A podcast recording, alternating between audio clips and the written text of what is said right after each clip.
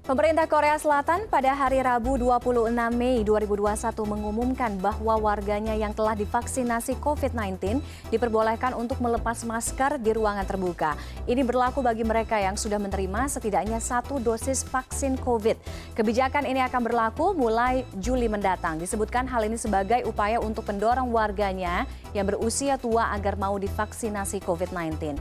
Untuk membahasnya, kita sudah terhubung melalui sambungan Zoom dengan Tri Yunis Miko Wahyono, epidemiolog Fakultas Kesehatan Masyarakat Universitas Indonesia dan Alvin Kobulsha, mahasiswa yang saat ini berada di Seoul National University. Selamat malam, Pak Yunis dan juga Alvin. Selamat malam, Mbak Tiffany. Oke, Alvin juga sudah bisa mendengar saya ya. Saya mau ke Pak Yunis dulu. Pak Yunis, apakah dua syarat ini, ke, yang pertama adalah keberhasilan bi, uh, pengendalian laju, kemudian percepatan vaksinasi, betul dua syarat mutlak yang menjadi alasan pelonggaran uh, bermasker di satu negara?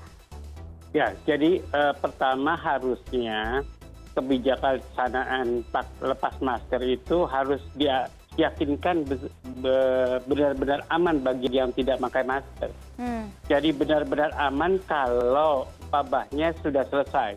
Maka penyakit itu menjadi endemis. Menjadi endemis dulu begitu. Yang kedua adalah uh, endemis dapat melokalisir uh, orang yang sakit begitu. Artinya uh, dia diisolasi dengan baik.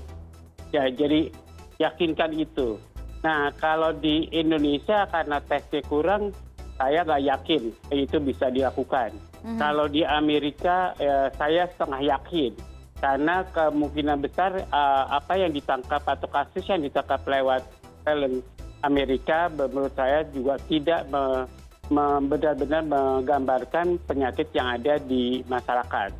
Ya, kalau dia, dia mencabut peraturan itu karena supaya orang yang tidak pakai masker tidak kena denda begitu.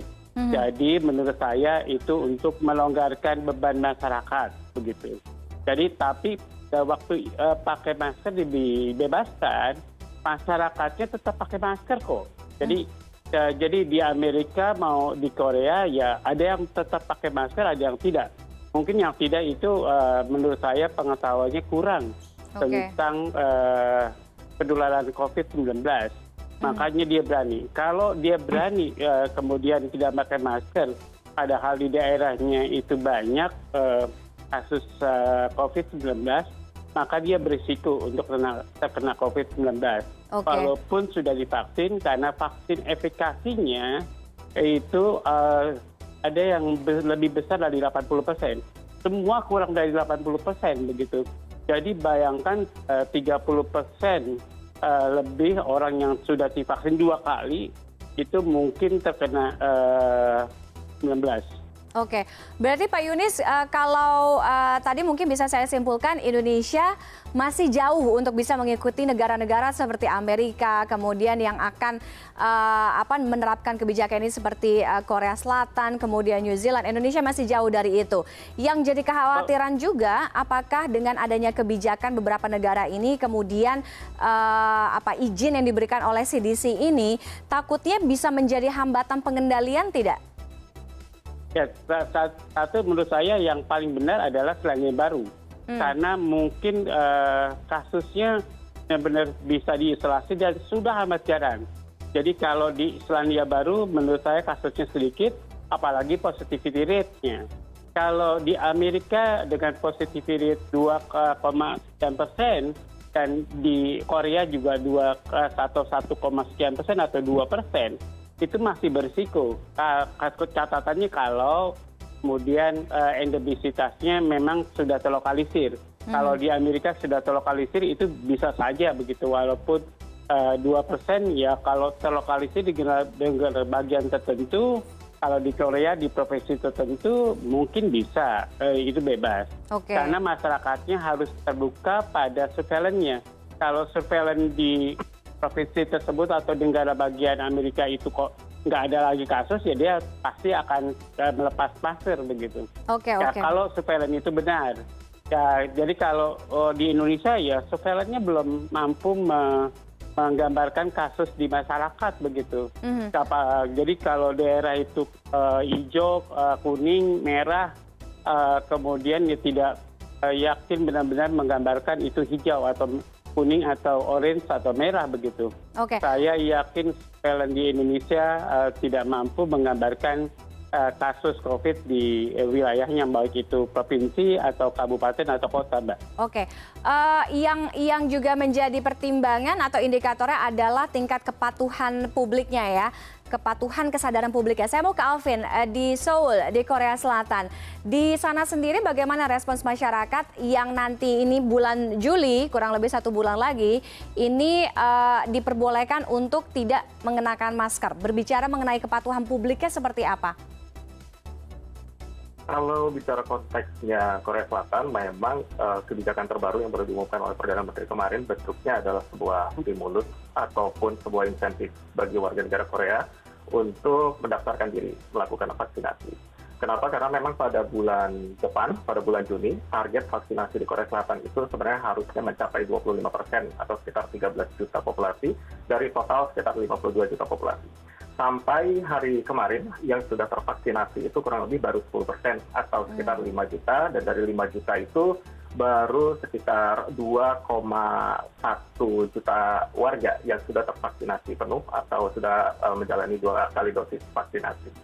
Jadi uh, responnya sebenarnya masih pro kontra sekali di sini. Pertama pertimbangannya adalah Eh, pada bulan Juli mendatang uh, membuka masker hanya di uh, luar ruangan, tapi hmm. kalau di dalam ruangan tetap memakai masker.